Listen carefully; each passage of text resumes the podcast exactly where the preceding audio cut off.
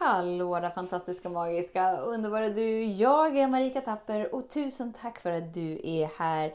Idag tänkte jag att vi skulle prata lite om att förbereda oss på livet. Ooh, så häng med! Så den stora frågan är, hur lär vi oss att älska oss själva utan att vara egoistiska och självgoda? Det är frågan och denna podcast den kommer ge dig svaren på det och mycket mer. Mitt namn är Marika Tapper och varmt välkommen till Hemligheterna bakom att älska sig själv. Vi har ju liksom en mental bild av att, att vi ska förbereda oss på det som komma skall. Så vi liksom har hela tiden ett driv efter prestation och resultat för att vi ska förbereda oss på det som komma skall. Men om du liksom så här kikar tillbaka i ditt liv, har det inte liksom skapats utan dig? Skulle jag sagt. Det blir lite hårt för det mentala sinnet. Så bara, nej, ingenting har skapats utan mig. Jag har varit här varje stund och kämpat. Men om vi verkligen så här syn, synar oss själva, var det inte så liksom att du pluppar ur mammas mage och sen så har liksom livet bara rullat på. Liksom. En stund har avlöst en annan stund som har avlöst en tredje stund som har avlöst 45 år som avlöst 193 år. Är det ändå inte lite så? Är det inte så att det ändå är en, någon slags drivkraft, någon slags rörelse som som sker oavsett om du är där eller inte. Till en början kan ju det kännas lite så här hårt. Men vadå, allt jag har kämpat för? Ska jag sluta kämpa nu? Men sen när vi landar in i det lite till så inser vi, åh oh men gud vad skönt.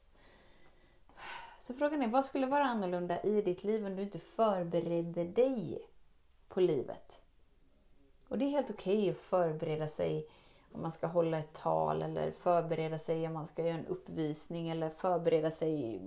Du får förbereda dig hur mycket du vill.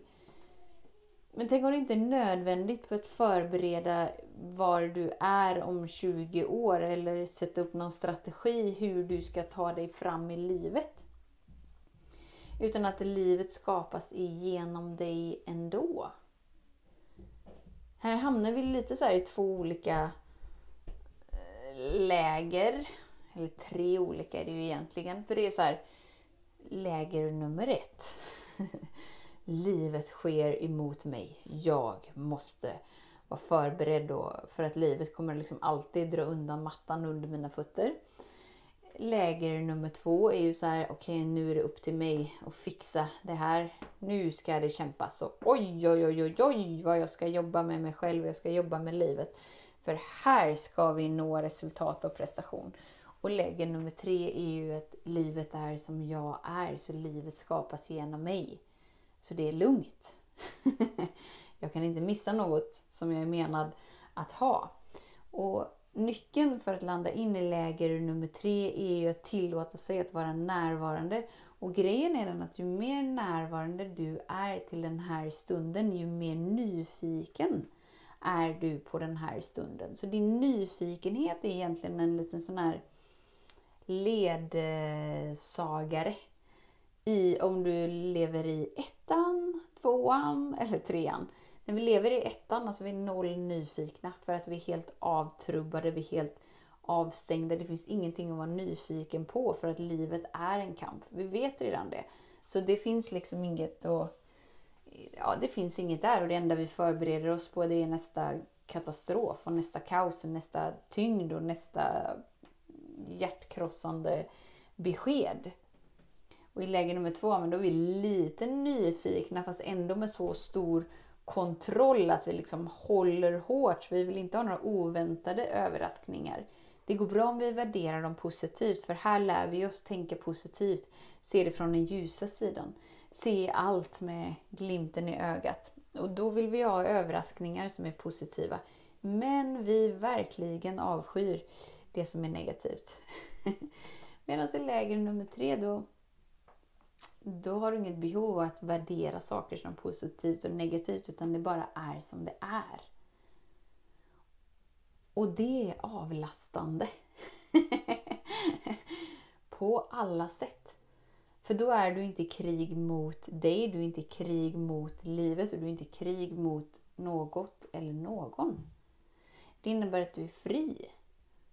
Och när du är fri så är du väldigt nyfiken. Väldigt nyfiken på vad som kan dyka upp.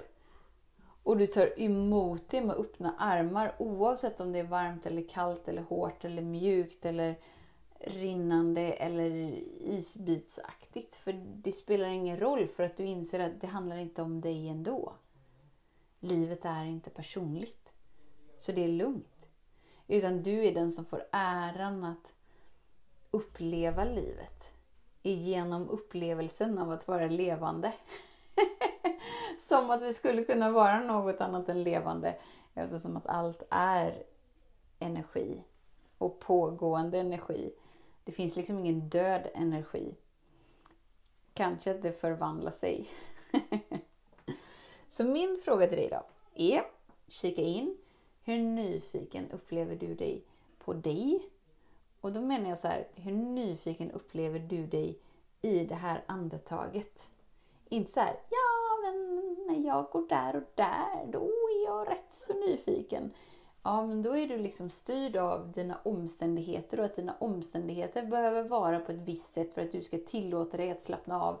Och när du slappnar av så väcks nyfikenheten till liv för att du gör det du älskar.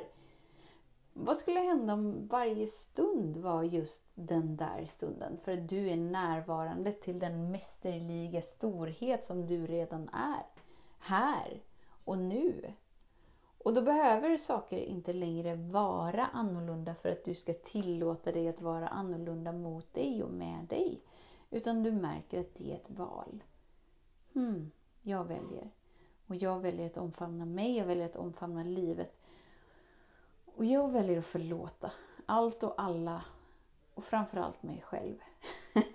För överallt har jag varit omedveten och inte haft förmågan att välja välja mer kärleksfullt än vad jag hade förmågan till helt enkelt. Och eftersom att vi inte vet det vi inte vet så finns det inget att värdera. Utan alltid omfamna dig med mer kärlek och inte mindre. Så hur nyfiken känner du på dig själv och ditt liv i denna stund? Oh! Befinner vi oss i läger 1, 2 eller 3? När du bara uppmärksammar det så är det ju någonting som sker. Om du kan uppmärksamma utan att värdera och utan att dra några slutsatser om att det handlar om att du är misslyckad och du har misslyckats och du är fortfarande inte framme där du vill vara. Utan så här, okej, okay, om jag saktar ner lite då? Om jag känner mina fingrar lite då? Hmm. Om jag känner mina fötter lite då? Hmm. Om jag... och så börjar du dyka in i dig och nyfiket utforska dig. För enda anledningen varför någonting känns långtråkigt, grått och uh, trögiskt. det är för att du inte är hemma hos dig. För när du är hemma hos dig så är du tillfredsställd, det är ljust, det är härligt, det är magiskt. Det är inte samma sak som att allt alltid är i enkelhet. Men det är ändå alltid väldigt nära. Det är ändå alltid väldigt nära till skratt. Det är ändå alltid väldigt nära till nyfikenhet. Det är ändå alltid väldigt nära till den där villkorslösa kärleken. Helt enkelt för att du väljer det. Så tusen, tusen, tusen tack för din tid, för din vilja att vara här. Vet att jag ser dig, jag hör dig och jag älskar dig. Tills vi hörs igen, var snäll mot dig. Hejdå! Hemligheten med kärlek är att den bor redan inom dig. Därför kan du nu sluta leta hos andra. För när ditt fokus är på rätt plats faller du djupare in i kärleken du längtat efter och med lätthet får du uppleva trygghet, värme och frihet.